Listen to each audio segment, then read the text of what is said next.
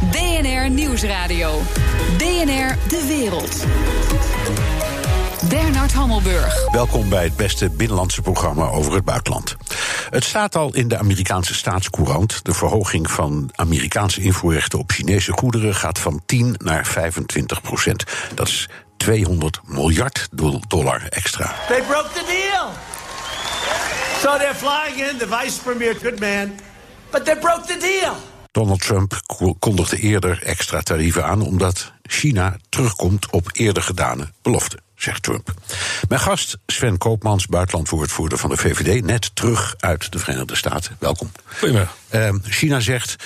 Als ik het goed begrijp, ja, over een aantal dingen kunnen we het wel eens worden. Die intellectuele eigendomskwestie, uh, wat meer invoer uit Amerika. Er zijn dingen waar we het wel over eens kunnen worden. Maar over hoe nou precies onze bedrijven werken en hoe groot de invloed van de staat is en hoe dat precies is verdeeld, ja, daar heeft meneer Trump gewoon niks mee te maken. Betekent dat het einde van de onderhandelingen? Nou, die onderhandelingen tussen Amerika en China die gaan veel te hard. En dat is slecht uh, voor iedereen. Dat is gewoon schande of schadelijk voor de wereldhandel. Te hard in welk opzicht? Door steeds maar deadlines te stellen? Is dat, is dat te hard? Door steeds maar deadlines te stellen en steeds de inzet te verhogen. Kijk, dit is geen vastgoed deal. Um, hier moet je uh, kijken waar willen we uiteindelijk samen uitkomen. Wat zijn de principes? En nou heeft Trump wel een punt. De Chinezen die handelen vaak oneerlijk. Er zijn enorme staatssubsidies voor die bedrijven. Die bedrijven worden soms ook nog geholpen door spionage door China. Dus ja, daar moet je je tegen weren. Maar door steeds maar weer uh, tarieven omhoog te gooien, sancties uh, te dreigen of zelfs neer te leggen, ja, daar wordt niemand uiteindelijk beter van. Dat is ook schadelijk voor Nederland. Ja, nou goed, maar Trump uh, zet zijn onderhandelaar Lighthizer in, die dit in feite uitvoert. En die heeft wel een punt. Die wijst bijvoorbeeld op afspraken uit het verleden, al van iets van 10 of 11 jaar geleden. Toen Amerika toestemming kreeg om te gaan bankieren in China en Visa en Mastercard te mogen gebruiken. En dat wordt nu al 12 of 10 jaar getraineerd. Dus ik kan me voorstellen dat uh, Trump zegt: ik stel wel een ultimatum. Want ook als je iets met ze afspreekt, komen ze er weer op terug. Of ze doen het niet. Ik kan me zeker voorstellen dat je daar heel hard onderhandelt. Nou ja, de VVD heeft ook een paar weken geleden China-strategie zelf gelanceerd. Waarin we ook zeggen: we moeten heel hard opkomen voor onze eigen belangen. Duidelijke grenzen stellen. En je mag niet zomaar vertrouwen wat de Chinezen beloven. Uh, maar je moet dan uh, eerlijke onderhandelingen hebben. Je moet zorgen dat je er samen uitkomt. En de manier waarop het nu gaat, ja, daar worden ook Nederlandse bedrijven, Nederlandse banen uiteindelijk het slachtoffer van. Dat willen we natuurlijk niet. Ja, u zegt. Uh dit wordt veel te hard gespeeld of te snel gespeeld of te snel gedaan. Uh, is het toch een beetje een alles of niets moment?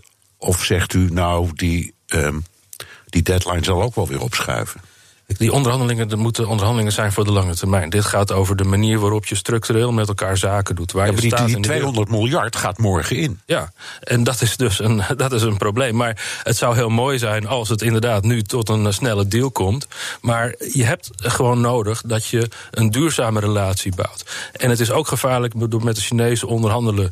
door alleen maar met, uh, met, met sancties, uh, met harde stok uh, te dreigen. Want dat vinden ze heel moeilijk. Dan heb je gezichtsverlies. Je moet zorgen dat je zoveel mogelijk achter de schermen, maar wel heel hard en heel duidelijk, uh, werkt naar een oplossing. Oké, en wat is die dan?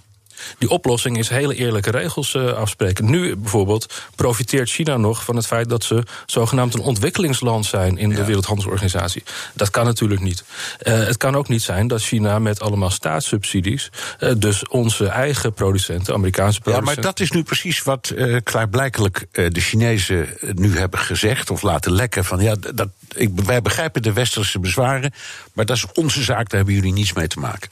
Dat kunnen ze zeggen, maar als ze daarmee dus valse concurrentie plegen. Kijk, als er hier een aanbesteding is en er denkt een Nederlands bedrijf mee, een Amerikaans bedrijf mee en een Chinees bedrijf, maar dat Chinese bedrijf kan ver onder de marktprijs bieden, ja, omdat, omdat, ze omdat enorme omdat het gewoon de staat is die biedt. Ja. ja, maar dan kunnen we dat natuurlijk niet accepteren, want dan gaat onze eigen economie, onze eigen banen er ook aan. Ja, goed, maar dat is nou eenmaal de concurrentie met een communistisch uh, uh, systeem. Dat blijft zo, dat gaat niet veranderen. En dat moet je dus inkapselen. Okay. Dan moet je duidelijke regels hebben. U bent net terug van een reis naar de Verenigde Staten met uw collega's van de Commissie Buitenlandse Zaken uh, uit de Tweede Kamer. Uh, Nederland en Europa zitten, als ik, als ik het goed zie, een beetje tussen twee vuren in deze kwestie. Is dat ook wat u daar hebt gemerkt, gevoeld, gezien? Hebt kunnen bespreken met uh, collega's? Absoluut. Je merkt dat de Amerikanen maken zich enorm uh, zorgen over China. We hadden het er al over. Uh, en wij zeggen, ja, laat ons niet het slachtoffer worden van die handelsoorlog. Uh, wij zijn partners, wij zijn bondgenoten. En wij zijn ook economische partners. Wij moeten goede zaken doen. Laat ons niet nou ja. Maar en tegen wie zegt u dat? dat ze hebben, nou, we u hebben niet met Donald Trump gesproken? Niet met hem, maar wel met andere mensen in het Witte Huis. Ja? Mensen in het Pentagon en het State Department en senatoren, congresleden. Ook mensen aan zijn kant? Ook mensen aan zijn okay. kant. En, en, hoe, en hoe gaan die om met die boodschap? Dat vinden ze interessant, uh, want ja. ze denken niet iedere dag aan de Nederlandse belangen. Dus dan is het goed dat er zo'n uh, delegatie Nederlandse politici langskomt. Ja, terwijl, terwijl, Nederland toch de derde investeerder is in de Verenigde Staten. Dus we zijn in handelsopzicht gezien geen kleine jongens. Inderdaad, en met dat bericht hebben de mensen ook verrast. Wij zeggen Nederland zorgt voor 825.000 banen in de Verenigde Staten. Wij zijn een enorme investeerder in de Verenigde Staten. Omgekeerd, ook is Nederland een grote ontvanger van Amerikaanse investeringen. Dus vergeet ons niet, wij zijn een belangrijke partner. En dan horen ze dat wel, dan kijken ze even verbaasd. Uh, maar dan zijn ze wel meer genegen om. Oké, okay, nou ja, ik, ik, ik, ken Amerikanen een beetje, dus ik begrijp dat ze op dat moment denken: Goh, we wisten niet eens precies waar het lag, dat Nederland. En nu blijkt het veel belangrijker te zijn dan we beseffen. Dat, dat snap ik allemaal nog wel. Maar dan, u hebt het ze uitgelegd. Wat gebeurt er dan onder die, ik zal maar gaan zeggen, vooral de Trumpisten die u spreekt? Die zeggen dan, nou, dat is heel interessant, dat wisten we nog niet. Maar wij hebben grote problemen met China. Uh, en daar moeten wij gewoon heel duidelijk tegen optreden. Dan zeggen we, nou, wij hebben ook problemen met China. Wij willen ook duidelijk optreden. Maar we willen dan wel samen optrekken. En we moeten niet uh, uitkomen in een grote uh, strijd. We moeten uitkomen in gezamenlijke oplossingen die goed zijn voor iedereen. Ja, maar we zitten in die harde strijd. En Trump zegt ook, ik wil geen Mercedes-voertuigen meer in, op de straten van New New York zien. Ja. Dus dat gaat dan over Duitsland. Maar het is natuurlijk allemaal symboliek en metaforen. Maar wij worden als het ware op één hoop geveegd. Wij zijn ook Europa en dus ook schuldig aan de overproductie van Duitse auto's. Zo zien ze ons, toch? Ja, nou heel veel, uh, ook Republikeinen hebben ons gezegd... nou, let nou iets minder op de tweets en meer op uh, de belangen die erachter zitten. En dan zeggen we, nou, dat is goed, want uh, belangen... die delen wij voor het grootste deel. Wij willen allemaal vrijhandel, althans de VVD wil graag vrijhandel. Ehm, maar wel binnen de dat we onze eigen uh, mensen moeten uh, beschermen, onze banen. Nou, dan kunnen we samenwerken, met, uh, ook met de Republikeinen. Ja, maar u hebt, neem ik aan, niet alleen in de periferie van Trump en consorten gekeken, maar ook een beetje in het land. Ja. Wat is dan het beeld dat u daar krijgt? We zijn uh, met de hele Kamerdelegatie, dus uh, van de SP, uh, GroenLinks tot en met de VVD, zijn we ook naar Pittsburgh gegaan en naar een klein stadje daar in de buurt. Pittsburgh is zo'n stad die in de jaren tachtig eigenlijk ineengestort is door de. Alleen maar, alleen maar dichtgetimmerde ramen in die tijd. Want ja, dat was ja. het centrum van de staalindustrie en die is toen ineengestort. En dat is ook, denk ik, een van de trauma's van Trump. Uh, nu is die stad als een soort Eindhoven weer gerezen uit zijn as. Er werken meer mensen dan ooit tevoren en die werken in de technologie sector. Overigens ook met veel Nederlandse bedrijven. Uh, nou, daar is het dus nu een stuk beter. En we zijn daar naartoe gegaan om te kijken. Uh, Waar, wat is hier gebeurd? En ook waar komt uh, al die politieke verdeeldheid in Amerika vandaan?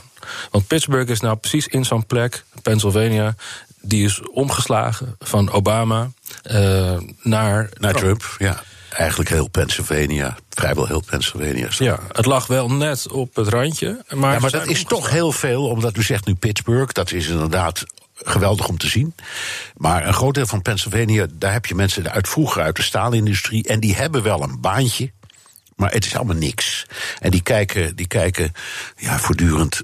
Die zijn compleet in, in, in een in een, uh, ja, moet zeggen, uh, depressie. Ja. Collectief. En daar haakt Trump op in. Inderdaad. En uh, we zijn ook nog buiten Pittsburgh naar een klein plaatsje geweest, Johnstown, waar heel veel mensen dus wel drie banen hebben, omdat ze het anders niet, niet kunnen bolwerken.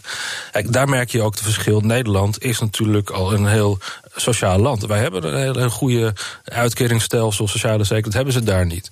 En daardoor krijg je die ellende en worden de mensen dan uh, nou, radicaler en gaan ze radicale dingen doen. Ja. Um, het was heel goed om dat te zien. Um, maar ja, dan zeggen wij ook, nou in Nederland hebben wij wel een goed wegenstelsel, hebben wij wel een uh, sociaal vangnet. Um, Bij ons uh, gaat het wat gematigder. Daarom was het ook zo leuk om met een, uh, een linkse en een rechtse Kamerdelegatie daar naartoe te gaan.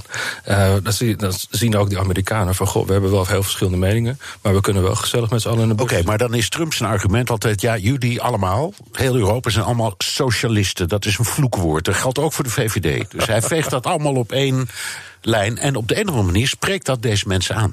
Ja, nou, dat zijn natuurlijk Amerikaanse kiezers, uh, waar hij zich mee moet verstaan. Wij, in ieder geval, ik ben daar niet gegaan om, uh, om de Amerikaanse kiezers te zeggen waar ze op moeten stemmen. Ze kunnen helaas geen VVD stemmen. maar we zijn daar wel naartoe gegaan om beter te begrijpen waar het vandaan komt. En ook om te zeggen, nou ja, in Nederland proberen we het wel met z'n allen op te lossen. En dan zitten we ook met allemaal partijen samen. En uiteindelijk kunnen we in een coalitie toch een beetje samenwerken. En nou ja, zeg maar dat, dat vaasje hoog houden. Ja, dus u begrijpt ze beter en u hebt een lesje polderen gegeven. Zo We ja? doen ons best. Oké, okay, zo dadelijk. Terug bij af. Iran heeft de stop uit de nucleaire deal getrokken. Precies een jaar na Amerika. Wat betekent het voor ons? BNR Nieuwsradio. BNR De Wereld. Iran stapt deels uit de nucleaire deal en overweegt om opnieuw uranium te gaan verrijken. Hassan Rouhani says it could abandon parts of the 2015 nuclear deal within 60 days. Iran says other countries have two months to implement their commitments to the deal, or Iran will, quote, reduce its own. Amerika heeft een vliegdekschip en bommenwerpers naar de Perzische Golf gestuurd. Europa zit een beetje tussen al dit geweld. Knel. Ik praat verder met Sven Koopmans, buitenlandwoordvoerder van de VVD. Uh, meneer Koopmans, is wat Iran nu doet, uh, dat gedeeltelijk uh, de stop uit dat akkoord trekken, is dat bedoeld om ons Europeanen onder druk te zetten? Vast wel, maar het is in ieder geval heel onverstandig. Het is enigszins te begrijpen, de Amerikanen zijn uh, eruit gestapt. En dat was uh, heel schadelijk. Want dit was een hele belangrijke deal. Uh, voor de veiligheid dat Iran geen kernwapens gaat ontwikkelen. Maar aan de andere kant, Iran heeft een geloofwaardigheidsprobleem. Niemand vertrouwde Iran. Iran zei, we gaan die bom niet bouwen. Um, nou hebben ze een, een deal gesloten, ook met, uh, met Europa. Dat ze die bom inderdaad niet gaan bouwen. En dan krijgen ze bepaalde voordelen voor. Als we dan nu die afspraken uh, weer gaan heronderhandelen. Ja, kunnen we ze dan nog vertrouwen? Oké, okay, maar Europa had gezegd een jaar geleden, precies een jaar geleden. toen uh, Trump de stekker eruit trok. Wij, Europeanen gaan gewoon door. Want voor ons is die deal overeind. De Russen zeiden dat ook trouwens. Ja. Um, en nu is mijn indruk dat, dat de Iraniërs zeggen: ja, dat hebben jullie wel beloofd, maar je kunt gewoon niet tegen Amerika op en je kunt het helemaal niet waarmaken. Jullie hebben allerlei dingen beloofd over het door kopen van olie en het, het sluiten van deals via een geheimzinnig banksysteem buiten de Verenigde Staten. Allemaal grootspraak. En dus nu moeten jullie. Is dat de boodschap van Iran? Iran gaat over eigen boodschap. Uh, ik zeg dat Europa moet uh, zoveel mogelijk deze deal uh, in stand houden. Want we willen gewoon niet dat Iran. Nee, maar dan, daar, daarom zeggen de Iraniërs zeggen: jullie hadden beloofd om gewoon producten, olie en andere dingen te blijven afnemen. En dan niet betalen via iets waar de Amerikanen greep op hebben. En we krijgen het niet overeind. Dus we, we roepen dat nu een jaar. Ik kan me voorstellen dat Iran zegt: uh, nu nog twee maanden, als je het dan niet werd waargemaakt, dan is het afgelopen. Ja, maar dit is een manier van onderhandelen waar niemand beter van wordt. Dit is net zo'n beetje als uh, waar we het net over hadden, Amerika en China. Steeds maar weer de inzet met een ultimatum, ja. ja. Terwijl het hier gaat over duurzame samen, uh, samenwerking, over de veiligheid van ons allemaal. Uh, Europa doet nu, wat ik begrijp, um, grotendeels wat het kan. Ik heb vandaag net Kamervraag gesteld aan de minister: kunnen we nog meer doen? Hoe gaan we hierop reageren? Maar. Maar daar hebt u zelf een idee bij. Wat is dat dan? Hoe zou u dan willen dat wij reageren? Nederland of als Europa? Vertel. Europa moet samen een front vormen en moet duidelijk maken aan Iran... ja, op deze manier is, valt het met ons niet te onderhandelen. Nee, er is ook, maar er is ook vanuit Brussel een boodschap gekomen... Uh, van buitenlandcommissaris uh, uh, Mogherini en van Duitsland, Verenigd Koninkrijk, Frankrijk... die hebben dat ook allemaal al gezegd. Ja. Tegen Iran. Ja. Nou, dat is duidelijk en dat is goed dat Nederland zich daarbij aansluit. Ja. Uh, we moeten zorgen dat één, Iran geen uh, atoombom meer krijgt. En twee, dat we zoveel mogelijk van die deal, ook met de voordelen voor Iran, in stand houden. Maar Iran kan niet boos op Europa worden, omdat Amerika zich er niet aan houdt. Nee, maar dat doen ze wel. Dus ja. het is een, een, daarom zegt, ik begrijp wel wat u zegt. Ik, u zegt, ik kan alleen maar vertellen wat wij vinden. Maar het gaat over iets wat Iran van ons vindt. En het is net een beetje als waar we het straks over hadden. Uh, met Amerika en China. Daardoor vinden ze ook iets van Nederland wat helemaal niet klopt. Ja. Zo werkt het. Nederland is niet zo'n heel groot land. En Iran denkt dus iets van ons, bijvoorbeeld Nederlanders. Ja. Ja. En hoe, hoe kunt u daar nu iets aan doen? Nou, Nederland moet dus samenwerken met uh, Duitsland, met Engeland, met Frankrijk. Uh, en zoveel mogelijk met ook Amerika om te zorgen dat deze deal in, stand uh, blijft. En nu gebeurt er dus ook al een hoop, in Europa in ieder geval. Maar wat we ook hebben gedaan... Nou, vorige week was dus in, in de Verenigde Staten... Enfin, ik ben maar een Kamerlid, maar ik heb daar ook met collega's in het Pentagon gesproken, in het State Department... met hooggeplaatste Amerikanen zeggen... pas nou op, die Iraanse nuclear deal... oké, jullie zijn er tegen... maar jullie willen zeker niet dat Iran een atoombom uh, gaat bouwen. Dus help ons zoveel mogelijk die deal wel in stand te houden. Want anders zijn we het allemaal kwijt. Oké, en dat is een argument dat ze kennen. Want die discussie heeft ook gelopen voordat uh, Trump de stekker eruit trok. Hoe wordt daar dan op gereageerd door, door de mensen met u, laten we zeggen, door de generaals? Ja, dat waren geen generaals, maar, maar nou ja, dat soort mensen. Uh, die zeggen, ja, wij willen ook geen Iraanse atoombom... maar wij hebben onze eigen methode, of het gaat nog komen. En dan zeggen wij, nee, dat is niet goed genoeg. Want Iran is nu bezig. We hebben nu een deal uh, waar ze uh, gedeeltelijk uh, zich rustig mee, mee kunnen houden. Uh, die deal die moet niet ontploffen, want dan hebben jullie, daar hebben jullie ook enorme last van. Maar goed, bij de Amerikanen gaat het om een een beetje om iets anders. Die zeggen, die nucleaire deal daarvan zegt het atoomagentschap dat de Iraniërs het daar aan houden, dat geloven wij ook wel. Maar ze bouwen raketten, wat niet mag. Ze hebben inmiddels hun invloed zo'n beetje in de hele wereld. In, uh, in Libanon, in Syrië, in Venezuela, in Gaza, noem zo maar wat op.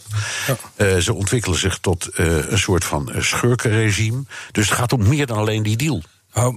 Wij hebben ook enorme problemen met Iran. Er zijn in Nederland een aantal mensen vermoord... waarvoor we uh, hele goede informatie hebben dat Iran daarvoor verantwoordelijk is. Uh, er zijn heel veel problemen met wat Iran allemaal in het Midden-Oosten doet... in Syrië, nou, u noemde het net al op.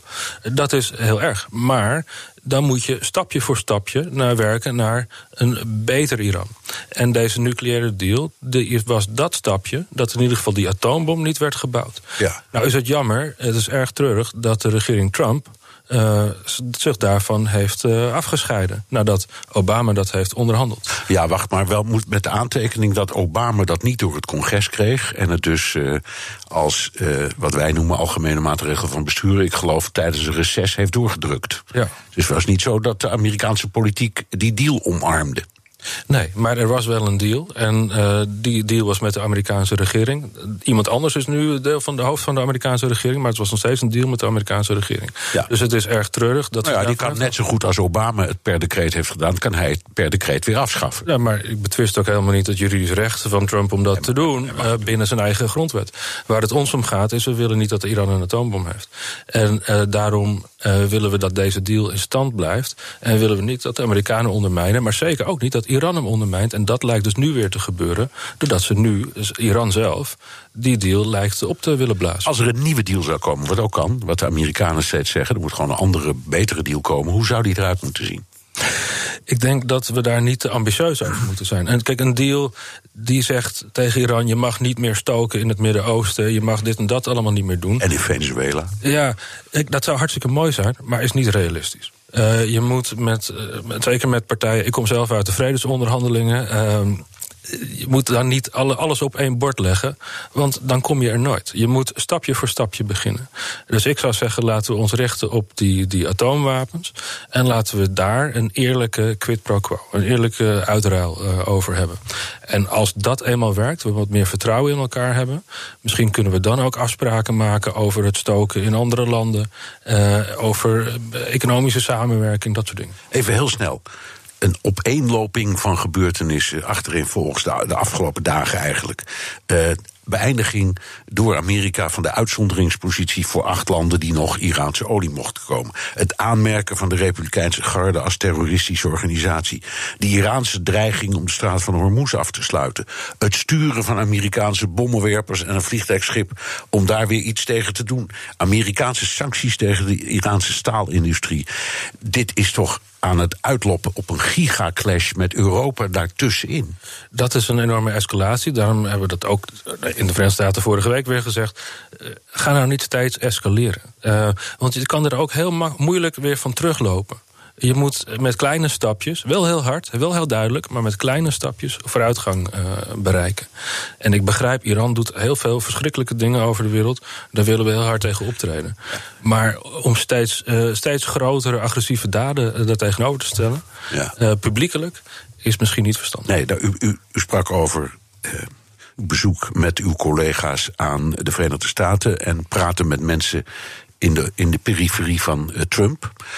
Hebt u dit soort contacten nu ook in Iran? Of hebben wij, laten we zeggen, als heeft Europa soortgelijke contacten in Iran waar je dezelfde boodschap aan kunt vertellen? Nou, ikzelf, de eerste ambassadeur die ik uh, heb gesproken toen ik buitenlandwoordvoerder was, was de Iraanse ambassadeur. Uh, en dan heb ik meteen gehad over de, de, de, moorden die in Nederland gepleegd zijn, maar ook over de nucleaire deal. Ook over de mensenrechten in Iran. En ook over economische samenwerking, hoe we verder kunnen komen.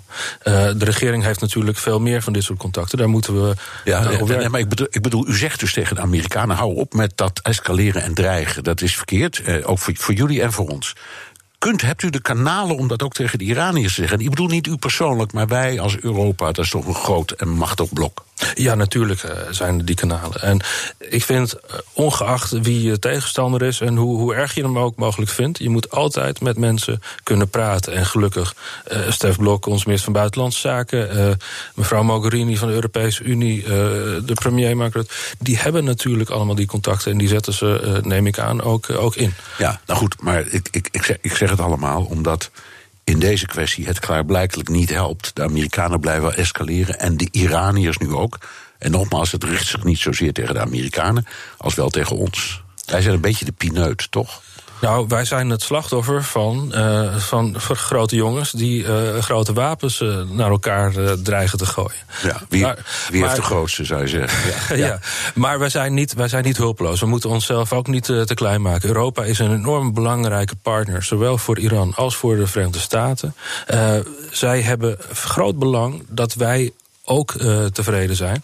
Uh, en zij willen allebei ook dat er vrede is in onze, onze regio. Want als er hier uh, oorlogen zouden zijn, dan zou het heel slecht zijn voor iedereen. Ja. Dus wij hebben wel een stem en wij worden ook wel gehoord. Ja. Oké, okay, hartelijk dank. Sven Koopmans, buitenlandwoordvoerder van de VVD. Even. DNR Nieuwsradio. DNR De Wereld. Bernard Hammelburg. De grote Europese stoelendans is begonnen. Er zijn de komende maanden vele topbanen in Brussel en Frankfurt te verdelen. En hoe dat moet gaan gebeuren is het gesprek van de dag in de wandelgangen van de Europese top in het Roemeense stadje Sibiu. Daar is ook onze Europa-verslaggever Jesse Pinster.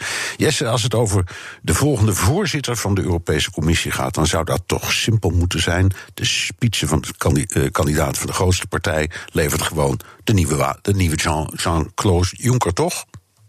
Ja, nou, zo zou het in theorie volgens het Europees Parlement moeten werken. Maar als je dan hier luistert, dan zijn eigenlijk alleen de christendemocraten uh, van mening dat het zo moet gaan werken. En dat is natuurlijk vrij logisch, omdat zij uh, ja, toch de afgelopen keren en ook deze keer na de verkiezingen waarschijnlijk weer de grootste zijn. Al moet je daarbij aanmerken dat ze stemmen gaan verliezen. En dat ze ook ja, het gat met de sociaaldemocraten van Frans Timmermans niet heel uh, groot is. Maar ja, dat spitsenkandidatensysteem, wat dus eigenlijk vijf jaar geleden pas voor het eerst gebruikt is. Dat uh, kan gewoon niet op heel veel liefde rekenen. Um, al die andere politieke bewegingen dan de, dan de zijn er eigenlijk wel klaar mee. Want die zien dat al die EVP'ers, de Europese Volkspartij... dat die al die topfuncties op dit moment in handen hebben. En die hebben zoiets van, ja, het is toch ook onze beurt nu wel een keer. Ja, uh, uh, Rutte, liberaal, die wil van dat hele spitsenkandidatensysteem af, toch? Ja, die is daar uh, vrij expliciet over dat hij uh, geen fan daarvan is. En ja, vervolgens moet je dan afvragen van is dan Manfred Weber, de christendemocratische spitsenkandidaat, daarmee ook al een beetje kansloos? En welke Nederlander wil Rutte misschien naar voren schuiven om een topbaan te krijgen? Hij heeft er ook geen geheim van gemaakt dat hij ja, vooral een baan wil die veel invloed heeft. Misschien voor zichzelf, misschien wel voor het PvdA Timmermans. Nou, ik heb het hem een, iets eerder vandaag kunnen vragen. En eerst hoor je hem nog even uitleggen wat er volgens hem in ieder geval mis is met dat hele spitsenkandidatensysteem. Een aantal jaar geleden leek dat een goed systeem. Maar het is toch een beetje indirect wat we aan het doen zijn. En de Europese Commissie is geen politiek orgaan. Dus om allerlei redenen is dat geen goed systeem. Kunt u dan nu al zeggen dat Manfred Weber ook niet de volgende commissievoorzitter wordt? Nee, eh, omdat hij spitsenkandidaat is, is er geen automaticiteit dat hij het wel wordt als dat de grootste partij zou zijn. Gaat u zich dan hier in de wandelgangen nog uh, hard maken voor Frans Timmermans? Want u wilt toch een, ja, een hoge functie voor Nederland? De hele ontwikkeling van wie krijgt welke baan is na de verkiezingen. En ook dan kan ik er pas wat over zeggen als het rond is. Want alles wat ik daar in het openbaar over ga zeggen... bevordert niet de positie van Nederland. Dat gaat helemaal niet besproken worden hier? ongetwijfeld zal er hier en daar wel eens achter de schermen een gesprekje zijn... maar daar kan ik in de openbaarheid niks over zeggen... omdat ik dan de Nederlandse belangen niet goed kan vertegen. Maar uw inzet is in ieder geval dat het Spitsen-kandidatensysteem... Uh, deze verkiezingen niet helemaal gaat overleven. Ja, daar, ga ik niet mee eentje over. Ik vind dat geen goed systeem. Uw inzet, zei ik. Ja, dus ook, mijn inzet is niet nu het spitsenkandidatensysteem wel of niet laten overleven. Mijn inzet is altijd het Nederlandse belang. En het Nederlandse belang is dat er goede Nederlanders op mooie posities komen... om de Nederlandse belangen goed te kunnen vertegenwoordigen. En dat uh, hoeft niet Frans Timmermans te zijn?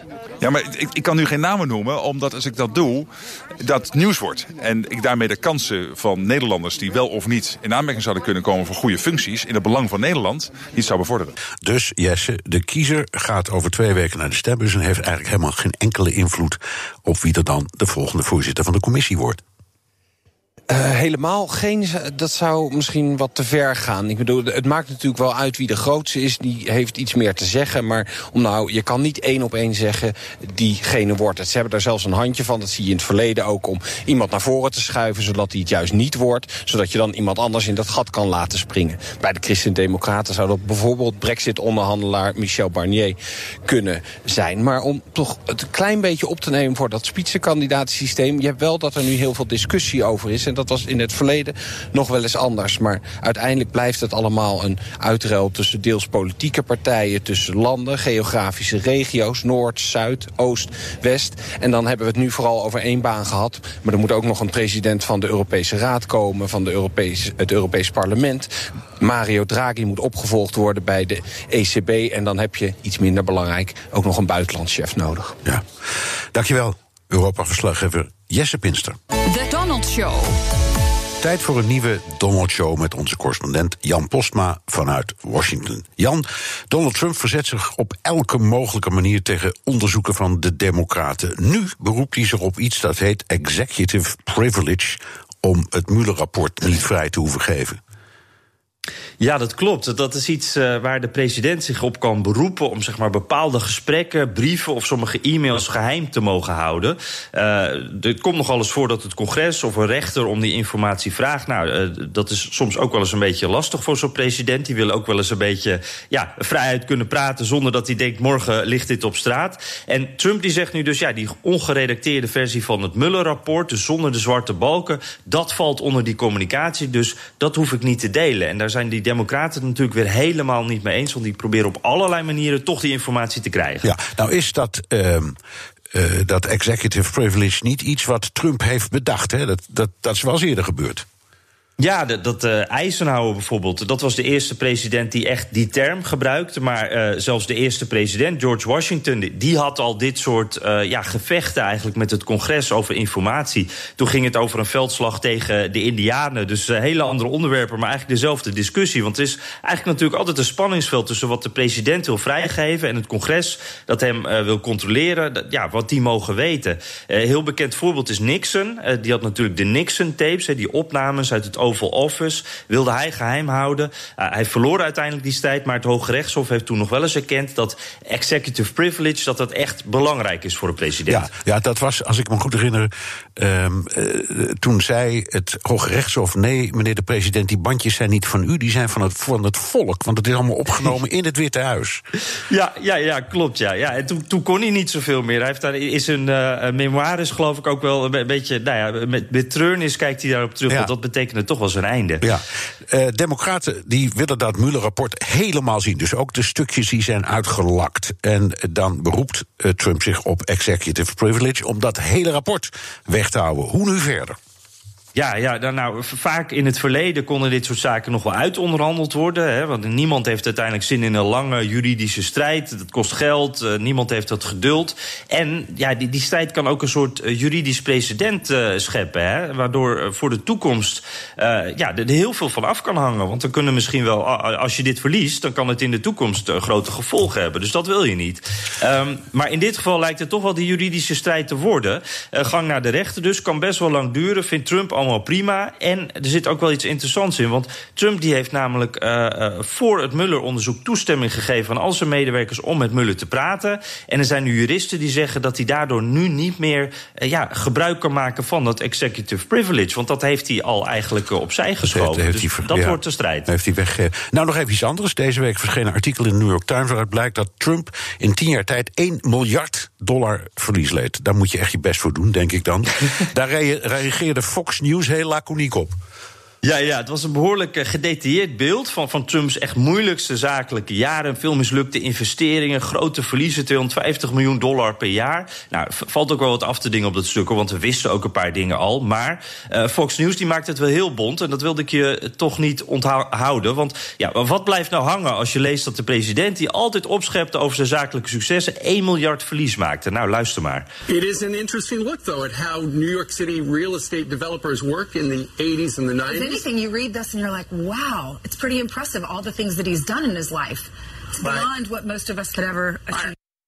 Ja, dat uh, gaan wij niet bereiken, Bernard. En je moet het ook een beetje relativeren, want 1 miljard, is, is dat nou veel geld? And it shows that he lost a lot of money over the course of 10 years, if you consider a billion dollars a lot of, a lot of money. But I found the reading of this article fascinating. Ja, dat vindt deze Fox uh, News-presentator dus blijkbaar niet. En nog een terechte relativering. Ze spraken ook met Trump-supporters. En ja, vinden die dit nu belangrijk? Nou, deze man vat dat wel goed samen. Johnny, retired truck driver. Do you care about Trump's tax returns? No, I don't really give a All right, rear end about. That's what I'm trying to do. I don't care if anybody shows it or not. It's their personal life, their personal business. Wel ja. Leave it alone. Wel ja, een miljardje minder of minder. Wat kan ons schelen, hè, Jan? Dankjewel, Jan Posma, correspondent in Washington. En zo dadelijk, wat is het geheim van de opmars van Salvini en Le Pen? BNR Nieuwsradio. BNR De Wereld. Marine Le Pen, Matteo Salvini en Nigel Farage denken dat 2019 hun jaar wordt. The 23rd of May is the first step of the Brexit Party. Our task and our mission is to change politics for good. Partijen zoals de Brexit Party, La Lega of Alternatieven voor Duitsland verwachten flink te gaan winnen bij de Europese verkiezingen. Waar komt hun succes nou vandaan? Ik praat erover met Kemal Rijker, schrijver van het nieuwe boek Eigen Volk. Hoe rechts nationalisme Europa veroverde. Welkom.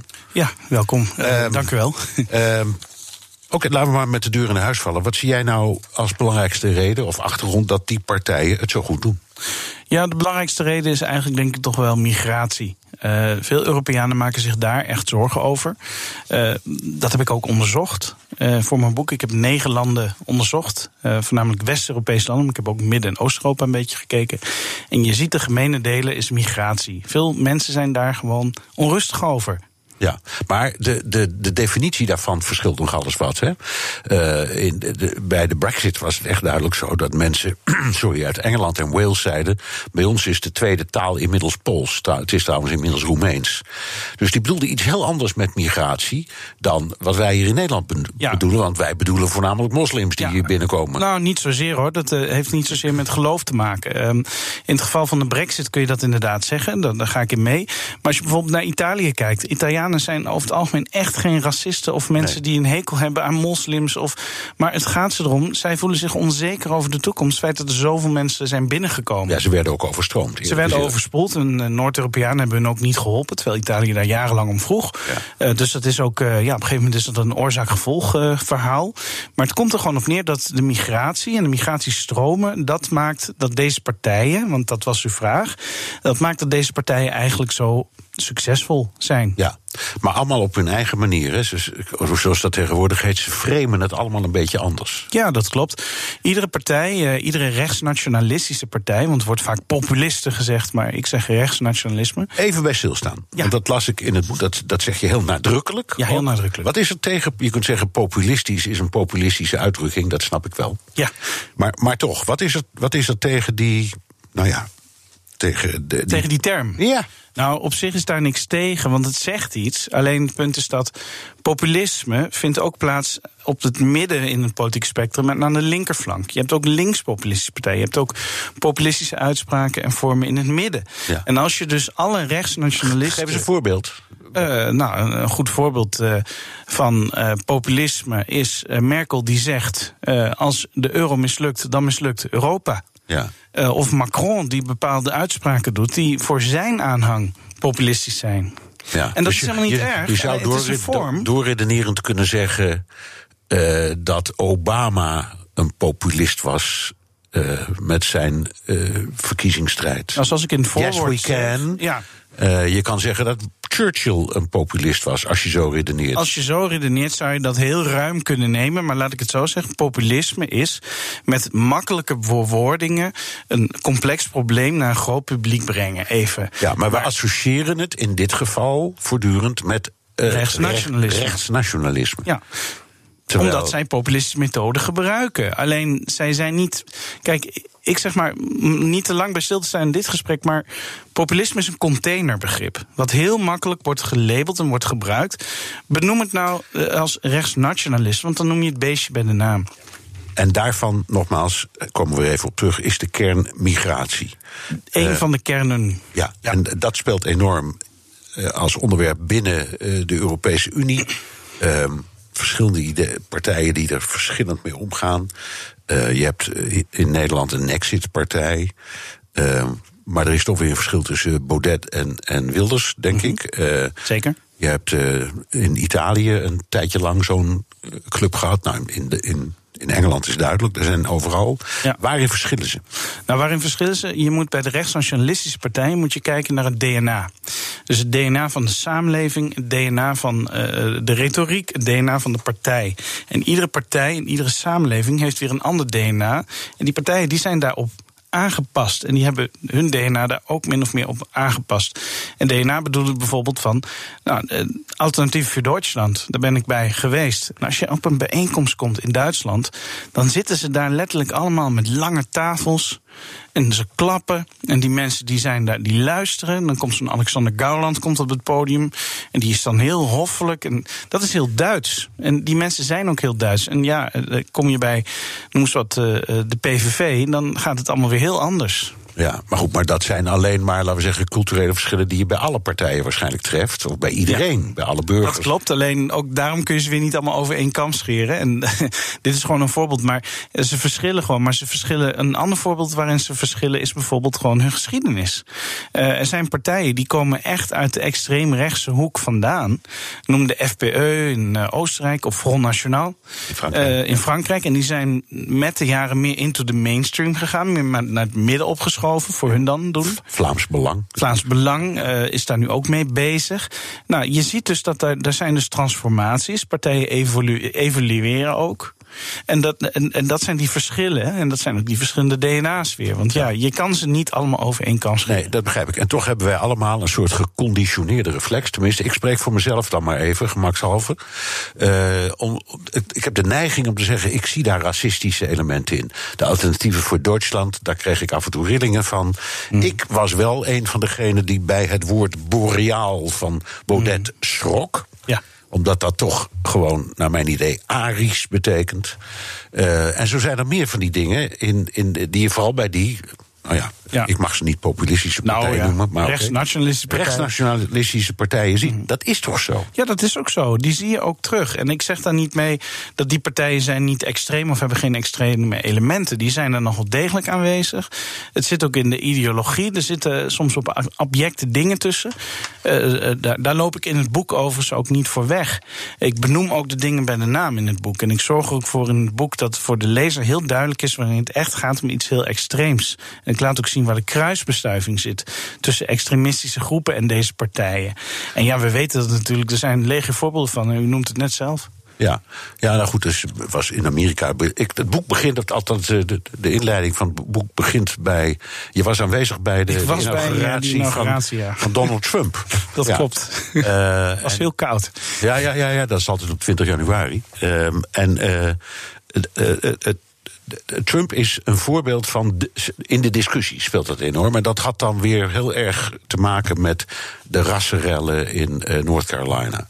Bijvoorbeeld. Ja, waar die, waar die dus eigenlijk zei: ja, eh, die extreem eh, rechtsplanke mensen en de, de andere kant, die hebben allebei eigenlijk hun goede kant. Ja, die veroordeelde hij niet. Hij veroordeelde dat niet. Ja.